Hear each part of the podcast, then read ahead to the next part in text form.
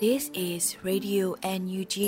the voice of National Unity Government of Myanmar, broadcasting for Myanmar Spring Revolution. Radio NUG is transmitting from shortwave 16 meter 17.79 megahertz at 8:30 a.m. and 25 meter 11.94 megahertz at 8:30 p.m. Myanmar Standard Time.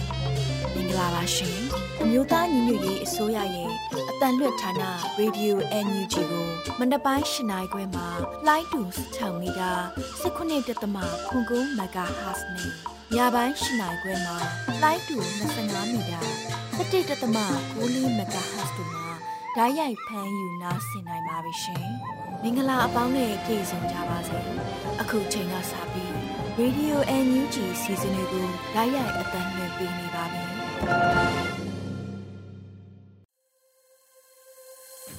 မြန်မာနိုင်ငံသူနိုင်ငံသားအပေါင်းတဘာဝပေးဆရာနာရှင်ပြီးတို့ကနေကင်းဝေးပြီးကိုစိတ်နှစ်ပါးဘေးကင်းလုံခြုံကြပါစေလို့ရေဒီယိုညူချီဖွယ်သားများကဆုတောင်းမေတ္တာပို့သလာရပါတယ်ရှင်။အခုချိန်ကစပြီးကာကွယ်ရေးဝန်ကြီးဌာနရဲ့စီရေးသတင်းကြီးချုပ်ကိုတော့မောင်ကျူးကဖတ်ကြားတင်ပြပေးပါတော့မယ်ရှင်။အမျိုးသားညီညွတ်ရေးအစိုးရ ကာကွယ်ရေးဝန်ကြီးဌာနကထုတ်ပြန်တဲ့နေ့စဉ်စည်ရေးသတင်းအကျဉ်းချုပ်ကိုတင်ပြပါတော့မယ်ခင်ဗျာ။စီးရင်များရာရန်သူတပ်သားတအူးတေဆုံးပြီး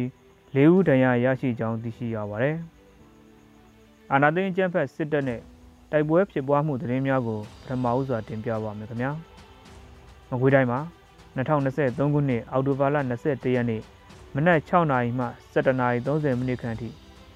ဂံကောမြို့နယ်ကံရွာနယ်မြေကန်ရဲစခန်းကိုဂံကောခရိုင်အမှတ်1တပ်ရင်းနဲ့အမှတ်9တပ်ရင်းတို့ပူးပေါင်းပြီးဒရုန်းနဲ့ဘုံဒီ36လုံးချတိုက်ခိုက်ခဲ့ရာရန်သူဘက်ကထိခိုက်ကြဆုံးမှုရှိပြီးထိခိုက်ကြဆုံးမှုကိုစီစစ်နေသေးဖြစ်ကာရန်သူဘက်က60မမ3လုံးနဲ့လက်နက်ငယ်များဖြင့်ပြန်လည်ပစ်ခတ်ခဲ့ကြောင်းသိရှိရပါတယ်။အော်တိုဘာလ21ရက်နေ့နေ့လယ်3:30မိနစ်ခန့်မှည8:12မိနစ်ခန့်အထိ ကံကောမြို့နယ်တောင်ခင်ရန်ရွာနယ်မြေကန်ရဲစခန်းကထွက်လာတဲ့ရန်သူတပ်နဲ့ပြူစောထီပူးပေါင်းအင်အား30ဦးကိုကံကောခရိုင်အမှတ်1တရင်အမှတ်12တရင်အမှတ်14တရင် ABSDF နဲ့ကံကောမြို့နယ်ပကဖတို့ပူးပေါင်းတိုက်ခိုက်ခဲ့ရာရန်သူဘက်ကထိခိုက်ကြဆုံးမှုရှိကထိခိုက်ကြဆုံးမှုစရင်ကိုစီစစ်ဆဲဖြစ်ကြောင်းသိရှိရပါတယ်။ပဲခူးတိုင်းမှာအော်တိုဘာလ22ရက်နေ့မနက်8:15မိနစ်ခန့်က ဖြူးမြို့နယ်အုပ်ဖြတ်ရွာအနီးရှိရန်သူတပ်တပ်ဆွဲထားတဲ့နေအိမ်ဂိတ်စခန်းကိုရုံးမစစ်ကြောင်းနှစ်နဲ့ပူးပေါင်းအဖွဲ့တို့ကဒရုန်းနဲ့ဘုံသီးတစ်လုံးချတိုက်ခိုက်ခဲ့ရာခမရ306ဖြူတပ်ပခမဒုဗိုလ်ခင်မောင်ဝင်းဦးကောင်ပြင်းထန်တန်ရာတက်ကြက်ကြီး6ပန်းတင်တီလက်ကခတဦးတေဆုံးနှစ်ဦးပြင်းထန်ဒဏ်ရာရရှိဟု၍ထိခိုက်ဒေဆုံးမှုများအသီးသီးရရှိခဲ့ကြောင်းသိရှိရပါသည်။အော်တိုဘာလ22ရက်နေ့မနက်9:30မိနစ်ခန့်က မင်းလာမြို့နယ်အပိုင်းသကိုးရုံမအတွင်းရှိဧက200ကျွန်းဆိုင်ခင်းအနီးတွင်ဒေသခံပြည်သူ6ဦးကိုလူသားတိုင်းအဖြစ်ဖမ်းဆီးခေါ်ဆောင်လာပြီးဗံပွေးကုန်းရွာဘက်ကထွက်လာတဲ့ရန်သူတပ်အင်အား20ခန့်ပါစစ်ကြောင်းနဲ့ဒါယာဝတီခရိုင်တပ်ရင်း3800နှင့်တပ်ခွဲ9တို့15မိနစ်ခန့်ကြာထိတွေ့တိုက်ပွဲဖြစ်ပွားခဲ့ရာရန်သူတပ်သားတအူဒဏ်ရာပြင်းထန်စွာရရှိပြီးရန်သူစစ်ကြောင်းပြန်လည်ဆုတ်ခွာသွားခဲ့ကြောင်းသိရှိရပါတယ်။အာနာသိန်းအကြမ်းဖက်စစ်တပ်ကကျူးလွန်တဲ့ ရာဇဝတ်မှုများအကြောင်းကိုဆက်လက်တင်ပြပါမယ်ခင်ဗျာမန္တလေးတိုင်းမှာအော်တိုဘာလ22ရက်နေ့မနက်9:30မိနစ်ခန့်ကငဇုံမြို့နယ်နဘဲပြင်ရွာရှိရန်သူအင်အား80ခန်းကဒေသခံပြည်သူတဦးဖြစ်တဲ့ကိုကလာရဲ့နေအိမ်ကိုဝင်ရောက်မှွေနောက်ပြီးအိမ်တကားများကိုဖျက်ဆီးသွားခဲ့ကြောင်းသိရှိရပါတယ်ခင်ဗျာယခုတင်ပြခဲ့တဲ့နေ့စဉ်စီရေးသတင်းချင်းချုပ်ကိုမြေပြင်သတင်းတာဝန်ခံများနဲ့သတင်းဌာနများကဖော်ပြထားတဲ့အချက်များပေါ်အခြေခံပြုစုထားတာဖြစ်ပါတယ် ကျွန်တော်မောင်ကျူပါ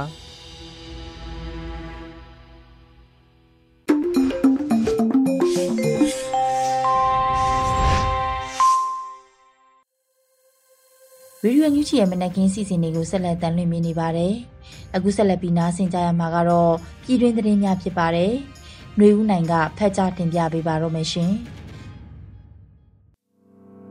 မင်္ဂလာပါခင်ဗျာ2023ခုနှစ်အောက်တိုဘာလ24ရက်နေ့မနက်ခင်း Radio NUG ပြည်တွင်းသတင်းတွေကိုတင်ပြပေးပါတော့မယ်ခင်ဗျာ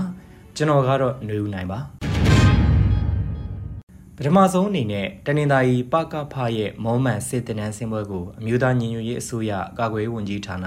ဒုတိယဝန်ကြီးကတောင်းဝန်လွှာပေးပို့တဲ့သတင်းကိုတင်ပြပေးပါမယ်။အမျိုးသားညီညွတ်ရေးအစိုးရကာကွယ်ရေးဝန်ကြီးဌာနတနင်္သာရီတိုင်းပြည်သူ့ကာကွယ်ရေးအဖွဲ့ရဲ့စူးမိုးနယ်မြေတနေရာမှာ မောမှန်စစ်တနန်းတင်နန်းစင်ပွဲပြုလုပ်ခဲ့တယ်လို့တနင်္သာရီ Different Guerrilla Force ကသတင်းထုတ်ပြန်ထားပါတယ်။အော်တိုဘာလ20ရက်နေ့မနက်ပိုင်းမှာကျင်းပခဲ့တဲ့အဆိုပါတင်နန်းစင်ပွဲကိုအမျိုးသားညီညွတ်ရေးအစိုးရကာကွယ်ရေးဝန်ကြီးဌာနဒုတိယဝန်ကြီးနိုင်ကောင်းရွက်ကတဝန်လွှာပေးပို့ခဲ့ပြီးပြည်သူ့ကာကွယ်ရေးအဖွဲ့တာဝန်ခံကဖတ်ကြားခဲ့ပါတယ်။အဲဒီနောက်မြို့နယ်ပကဖစစ်ရေးတာဝန်ခံကအမှားစကားပြောကြားခဲ့ပြီးစစ်တီတော်တွေ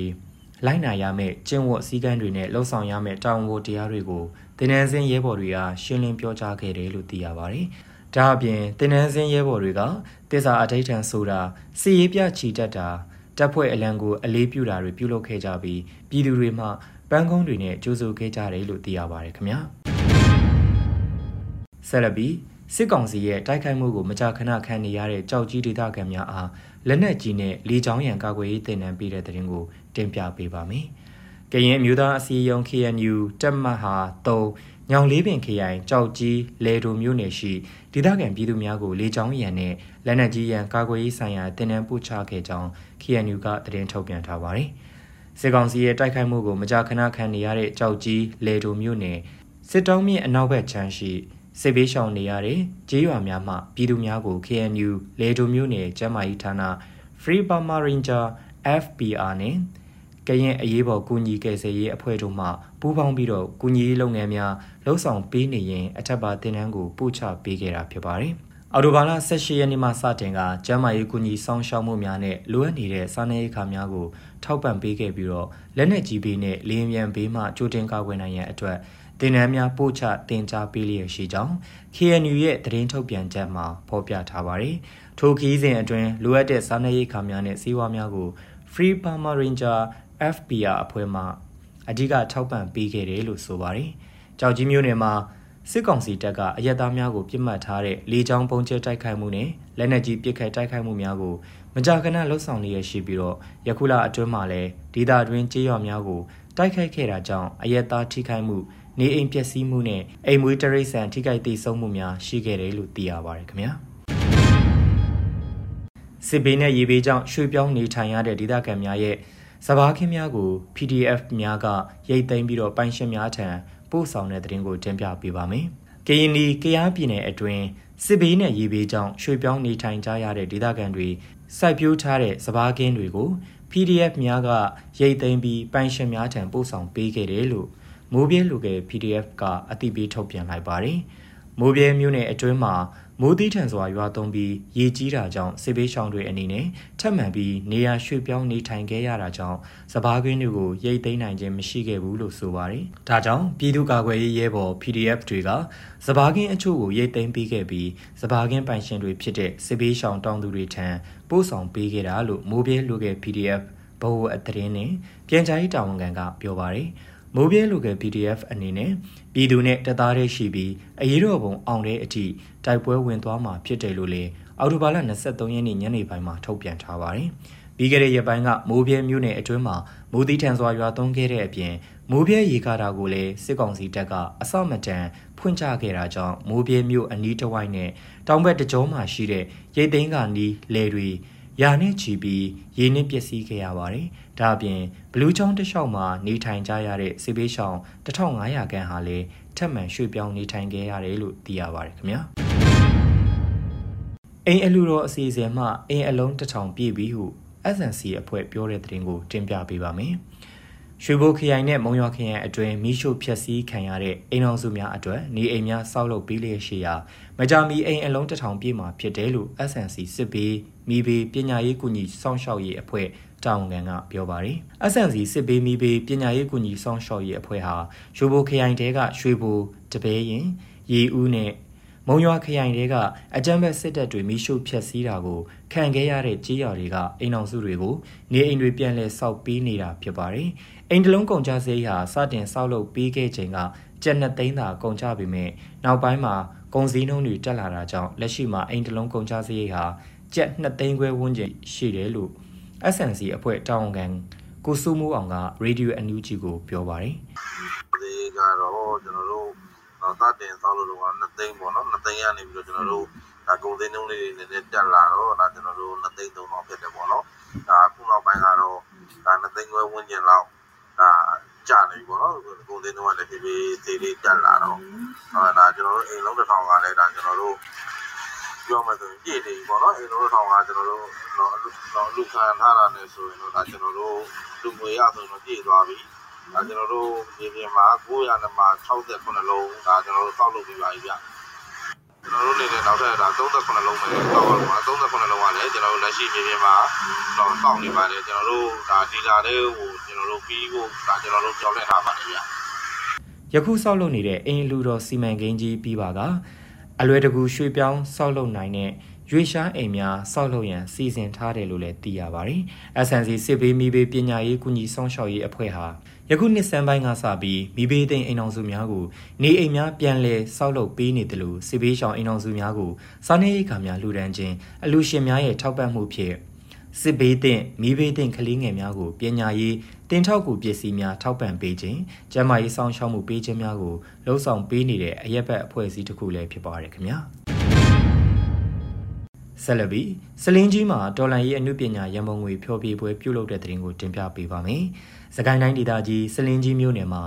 တပိတ်ကော်မတီဝင်များကကြေးရွာများသို့တွားရောက်ပြီးတော့တော်လန်ရေးအမှုပညာရန်ပုံငွေဖျော်ဖြေပွဲပြုလုပ်ခဲ့တယ်လို့သိရပါတယ်။အော်တိုဘာလ23ရက်နေ့ချင်းတွင်းမြစ်ကမ်းဘေးကြေးရွာများတပိတ်ကော်မတီကတွားလာရေးခက်ခဲနေတဲ့ခြားမှာစလင်းကြီးမြို့နယ်ရှိကျေးရွာနှစ်ရွာကိုတွားရောက်ပြီးတော့အစိုးအကများဖြင့်တော်လန်ရေးရန်ပုံငွေပွဲပြုလုပ်ခဲ့တာဖြစ်ပါတယ်။ ပျော်ရွှင်နေလို့ပြုလုပ်ရတဲ့ပွဲမဟုတ်ပါဒေါ်လာရေးအတွက်တထောင်တနေရာကနိုင်ရတာဝန်ကိုထမ်းရွက်ရင်ဆိတ်ဆောင်မိဘေးအဆရှိတဲ့နေရာတို့မှာအသုံးပြုဖို့ပြုလုပ်ရခြင်းဖြစ်တယ်လို့ချင်းတွင်းမြစ်ကံပြီးကြေးရွာများတပိတ်ကော်မတီကပြောပါတယ်အဆိုပါရန်ပုံငွေပွဲကိုကြေးရွာတာဝန်ရှိသူများကလုံခြုံရေးယူပေးခဲ့ကြောင်းသိရပါတယ်ဒါအပြင်ပြည်သူတယောက်ချင်းစီအနေဖြင့်လည်းနိုင်ရတာဝန်ကိုထမ်းရင်ဒေါ်လာရေးပန်းတိုင်ကိုရဲရဲလျှောက်လှမ်းပေးကြရန်ချင်းတွင်းမြစ်ကံပြီးကြေးရွာများတပိတ်ကော်မတီက တိုက်တွန်းထားပါတယ်ခင်ဗျာမြင်းမှုနဲ့မြောင်မျိုးနယ်တို့မှာအထိုင်ချတက်ဆွဲနေတဲ့စစ်ကောင်စီတပ်ဖွဲ့များကို drone ဖြင့်တိုက်ခိုက်တဲ့တဲ့ရင်ကိုဆက်လက်တင်ပြပေးပါမယ်။စကိုင်းတိုင်းတဲကမြင်းမှုမျိုးနယ်နဲ့မြောင်မျိုးနယ်တွေမှာအထိုင်ချတက်ဆွဲနေတဲ့စစ်ကောင်စီတပ်ဖွဲ့တွေကို drone နဲ့ဘုံကျဲတိုက်ခိုက်ခဲ့တယ်လို့မြောင်မြို့နယ် CDSOM အဖွဲ့ကပြောပါရယ်အော်တိုဘာလ21ရက်နေ့ကမြင်းမှုမြို့နယ်နဲ့မြောင်မြို့နယ်တွေမှာအထိုင်ချတက်ဆွဲနေတဲ့စစ်ကောင်စီတပ်တွေကို ရှာထူရောနီးပညာသုံးမောင်းသူမဲ့လေရင်တွေနဲ့ဝေရင်စစ်စင်ရေးဖော်ဆောင်ခဲ့တာလို့ဆိုပါရယ်မြင်းမှုမြို့နယ်ဂွေးပင်တော်အနီးမှာအထိုင်ကျတက်ဆွဲထားတဲ့အကြမ်းဖက်စစ်ကောင်စီတပ်ဖွဲ့ကိုမောင်းသူမဲ့လေရင်၃စင်းအုံပြုကဘုံသီး၈လုံးကျဲချတိုက်ခိုက်တာမှာ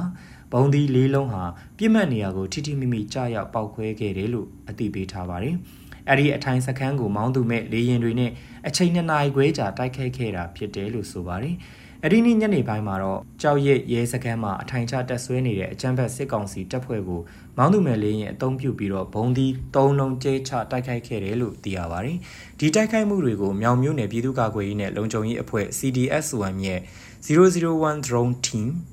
စကိုင်းခရိုင်တရင်6တက်ခွဲနှင့်မြောင်မြို့နယ်ပလဖမြင်းမှုမြို့နယ်ပကဖစိန်ရိုင်းစစ်ကြောင်းမြောင်စင်ကိုင် Revolution Force စင်ကိုင်ပကဖ One Bat ကောလင်းအဖွဲ့တို့ပူးပေါင်းလှုပ်ဆောင်ခဲ့တာဖြစ်ပြီးတော့အကြံဘက်စစ်တပ်ဘက်ကထိခိုက်ဒေဆုံးမှုအခြေအနေကိုတော့မသိရသေးဘူးလို့မြောင်မြို့နယ် CDSOM အဖွဲ့ကထုတ်ပြန်ထားပါတယ်ခင်ဗျာမင်းလာမျိုးနယ်ဧက200ကျွန်းဆိုင်ခင်အနီး PDF နဲ့အကြမ်းဖက်စစ်တပ်တို့တိုက်ပွဲဖြစ်တဲ့တဲ့ရင်ကိုဆက်လက်တင်ပြပေးပါမယ်။ ပဲခူးတိုင်းတာယာဝတီခရိုင်မင်းလာမျိုးနယ်အပိုင်းပဲခူးရိုးမအတွင်းရှိဧက200ကျွန်းဆိုင်ခင်အနီးမှာ PDF နဲ့အကြမ်းဖက်စစ်တပ်တို့အကြားတိုက်ပွဲဖြစ်ပွားခဲ့တယ်လို့တာယာဝတီခရိုင်တရင်3839တက်ခွဲ9ကသတင်းထုတ်ပြန်ထားပါတယ်။ပြည်သူ6ဦးကိုဖမ်းဆီးခေါ်ဆောင်လာတဲ့အင်အား20ခန်းပါအကြမ်းဖက်စစ်ကောင်စီစစ်ကြောင်းနဲ့တာယာဝတီခရိုင်တရင်3839နှစ်တက်ခွဲ9တို့ဟာ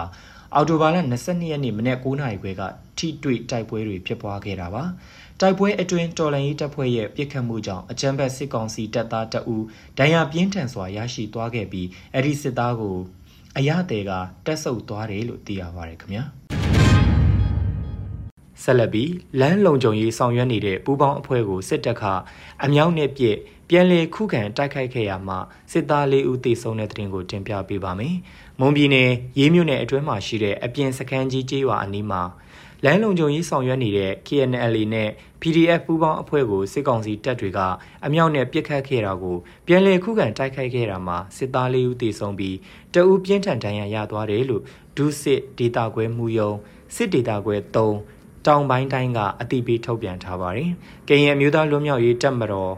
KNL နဲ့ PDF တော်လန်ရေးပူးပေါင်းတပ်ဖွဲ့တွေ အော်တိုဘာလ22ရက်နေ့မနက်9:00နာရီခန့်အချိန်မှာအပြင်စခန်းကြီးရွာအနီးကမော်လမြိုင်ရေးတဝဲအမှတ်၈ပြည်တော်စုလမ်းမကြီးမှာလုံခြုံရေးရယူစစ်ဆေးနေချိန်မနက်10:00နာရီခွဲခန့်အချိန်မှာအကြမ်းဖက်စစ်ကောင်စီတပ်ကအမြောက်နဲ့၃ချက်ခန့်ရန်တမ်းပစ်ခတ်ခဲ့ရာနှလုံးပေါက်ကွဲခဲ့တယ်လို့ဆိုပါတယ်။ခုလိုတိုက်ခိုက်ခံရတဲ့အတွက်ပူပေါင်းအဖွဲ့တွေပြန်လည်ဆုတ်ခွာခဲ့ပြီးတော့အပြင်စခန်းကြီးရွာအနီးက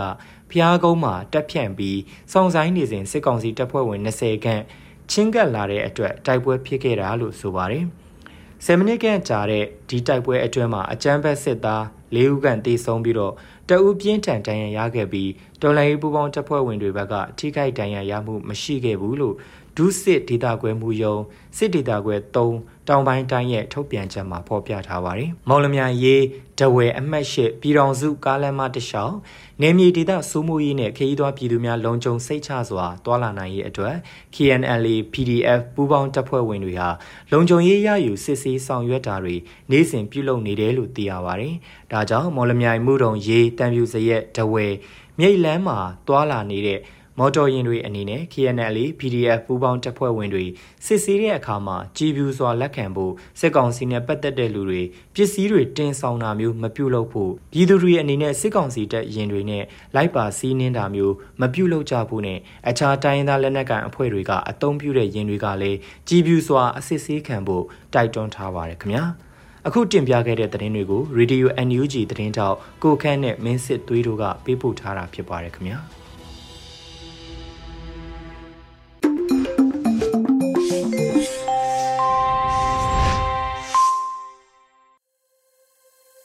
ရေဒီယိုညူဂျီကိုနာတော်တာဆင်နေတဲ့ပရိသတ်များရှင်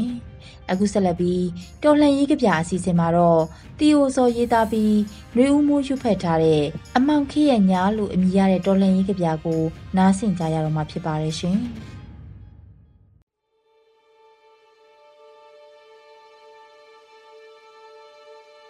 အမောင်ခေးရဲ့ညာလုံလုံကြုံကြုံအိတ်နေရတာကိုကမလုံမချုံစိတ်တွေ ဖြစ်စေရတာပါအိမ်ဆိုတာတိမ်လိုပါပဲတွေးတိမ်ဆိုတာအိမ်လိုပါပဲလို့ဟိုအဝေးကောင်းကင်ကိုငင်းငယ်ကြည့်နေရင်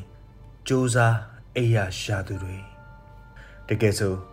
ပြန်စရာမရှိတော့လေအိမ်ကိုပြန်မဲအိမ်ကိုပြန်ကျင်တယ်လို့ညညဆူခဏခဏထထရောင်ရမ်းကြတဲ့တောကတောင်တန်းပေါ်ကကန္နာရခရီးသွားတွေ ပျော်တခါနိုးတဝက်တပြင်းပူတလှဲ့နဲ့ဘုံတနတ်တန်ကြားစိုးရင်စိတ်ပွားပြီးနားဆွင့်အိတ်ဆက်ကြရတဲ့သူတွေဖျောင်းလိုပုံသွင်းကောင်းတဲ့အရွယ်အမြင့်တွေကြံရစ်တာကတစစီဖြစ်သွားတဲ့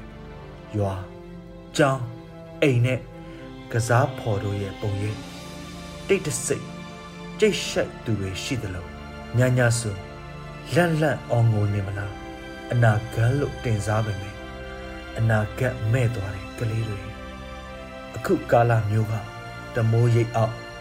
ငင်းငင်းအေးအေးအိပ်ပျော်ခွင့်လေးရတာကိုကပဲမလုံမလဲစရာမလုံမကြုံစိတ်တိုးတိတ်စွာဖြစ်စေစိတ်တရာဗရပွားနဲ့မိစ္ဆာတောင်ပန်းဖြတ်နေသမျှလိပ်ပြတန့်ဖို့မလွယ်တဲ့ညာ ဒီအိုဇောရေ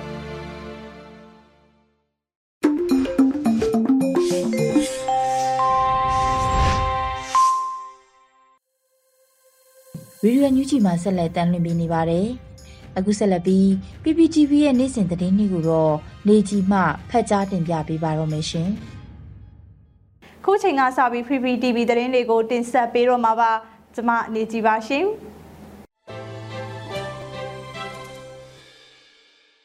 ပထမဆုံးတင်ဆက်ပေးမယ့်သတင်းကတော့ EOD ကရောင်းချနေတဲ့ Federal စွမ်းရည်အင်အားစီမံကိန်းကနေဒေါ်လာရေးရန်ပုံငွေအမေရိကန်ဒေါ်လာ3သန်းကျော်ထိရရှိခဲ့တဲ့သတင်းမှာမြို့သားညီညွတ်ရေးဆိုရစီမံကိန်းဗန်နာရေးနဲ့ရင်းနှီးမြှုပ်နှံမှုဝန်ကြီးဌာနရဲ့ EOD စီမံကိန်းကနေရောင်းချနေတဲ့ Federal စွမ်းရည်အင်အားစီမံကိန်းကနေဒေါ်လာရေးရန်ပုံငွေဖြစ်အမေရိကန်ဒေါ်လာ3သန်းကျော်အထိရရှိခဲ့တယ်လို့ဒီကနေ့မှထုတ်ပြန်ထားပါတယ်။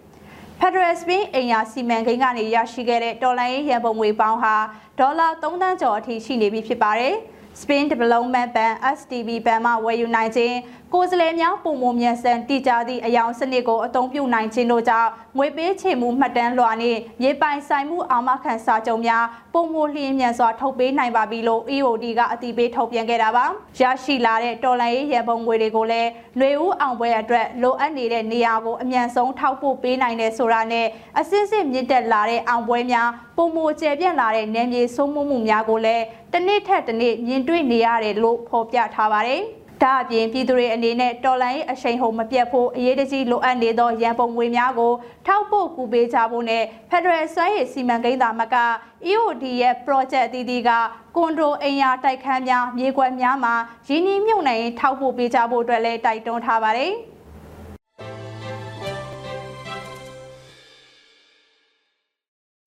အောင်တင်ဆက်ပေးခြင်းတဲ့သတင်းကတော့ချင်းတွင်းမြစ်အတိုင်းတည်တင်လာတဲ့အကြမ်းဖက်စစ်တပ်ရဲ့စစ်သင်းဘော်တွေကို PDF တွေကစောင့်ကြိုတိုက်ခိုက်လိုက်တဲ့သတင်းမှာ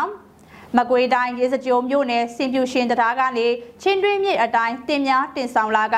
စုံစင်းလာတဲ့အကြမ်းဖက်စစ်သင်းဘောများကိုပြည်သူ့ကာကွယ်ရေးပူးပေါင်းတပ်ဖွဲ့ကအသင်းဆောင်ကြိုတိုက်ခိုက်ခဲ့တယ်လို့မန္တလေးခရိုင်တရင်3ရဲ့တပ်ခွဲ3မှာဒီကနေ့မှရက်စွဲနဲ့ထုတ်ပြန်ထားပါတယ်။ အကြမ်းဖက်စီတန်းကိုအော်တိုဘာလ22ရက်မနက်9:40မိနစ်ခန့်ကချင်းတွင်းမြစ်တနေရာမှာပြည်သူ့ကာကွယ်ရေးပူးပေါင်းတပ်ဖွဲ့တွေကအသေးဆောင်ကြိုတိုက်ခိုက်ခဲ့တာဖြစ်ပြီးရန်သူစစ်တပ်ဘက်ကလည်းလက်နက်ကြီးလက်နက်ငယ်များနဲ့ပြန်လည်ပစ်ခတ်ခဲ့ရာအပြန်လည်ထိတွေ့တိုက်ခိုက်မှု15မိနစ်နီးပါးကြာမြင့်ခဲ့တယ်လို့ပြောပါတယ်အကြမ်းဖက်စစ်တပ်ဘက်ကထိခိုက်သေးဆုံးမှုစီးရင်ကိုမသိရှိရသေးပဲပြည်သူ့ကာကွယ်ရေးပူးပေါင်းတပ်ဖွဲ့တွေကရဲဘော်များအထိခိုက်တစုံတရာမရှိဘူးလို့ဆိုပါတယ်။ ဒီတိုက်ခိုက်မှုကိုမန္တလေးခရိုင်တရင်3တက်ခွဲ3ရေစကြိုမြို့နယ်ပြည်သူ့လုံခြုံရေးတပ်ဖွဲ့ဒေါင်းနီနောင်မန္တလေးခရိုင်တရင်3တက်ခွဲ3မြင်းကြောင်ပျောက်ကြားတပ်ဖွဲ့မန္တလေးခရိုင်တရင်3တို့မှစစ်စေးရေးအဖြစ်ပူးပေါင်းဆောင်ရွက်ခဲ့ကြတယ်လို့ဖော်ပြထားပါတယ်။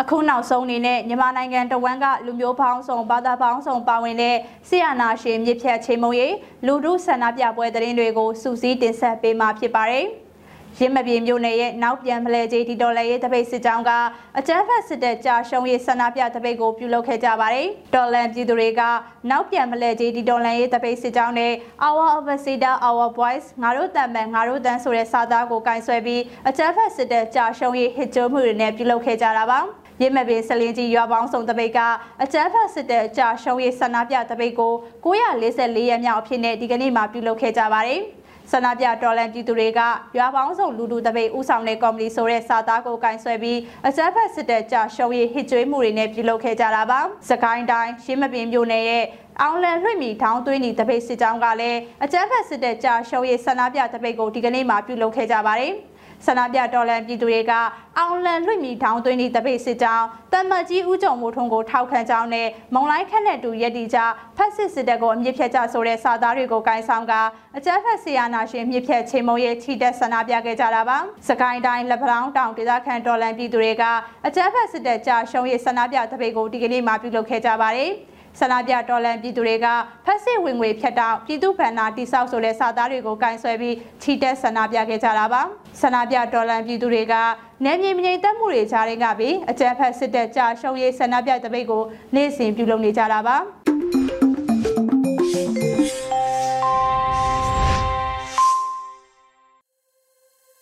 ရေဒီယိုညူဂျီကိုနာတော်တာဆင်နေတဲ့ပရိသတ်များရှင် အခုနောက်ဆုံးအနေနဲ့တော်လှန်ရေးတိဂီတာအစီအစဉ်မှာတော့နှွေဦးပြည်သူများရဲ့နှွေဦးတော်လှန်ရေးလို့အမည်ရတဲ့တော်လှန်ရေးတိဂီတာကိုနားဆင်ကြရတော့မှာဖြစ်ပါတယ်ရှင်။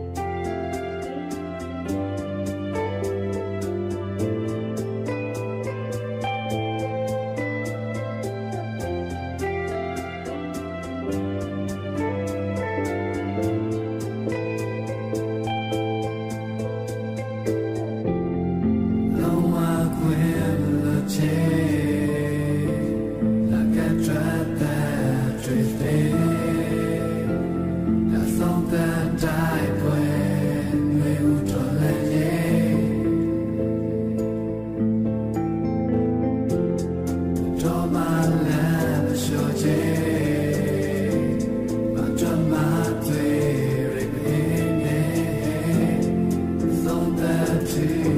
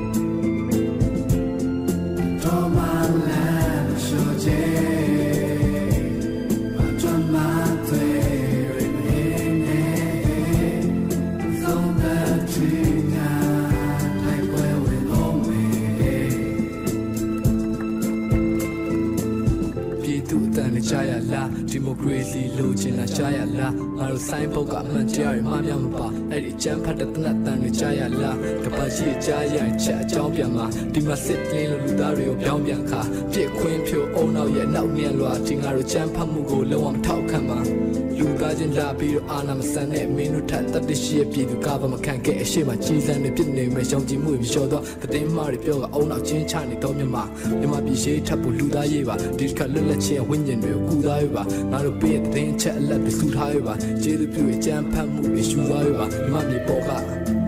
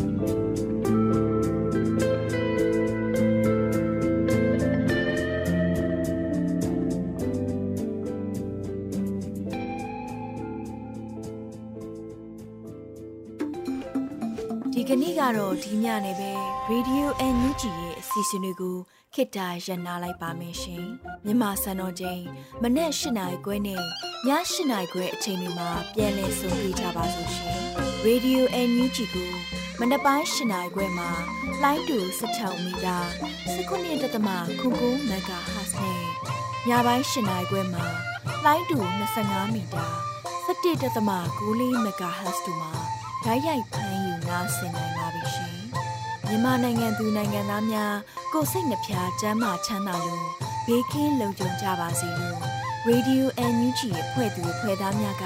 ဆုတောင်းလိုက်ရပါတယ်။ San Francisco Bay Area အခြေစိုက်မြန်မာမိသားစုများ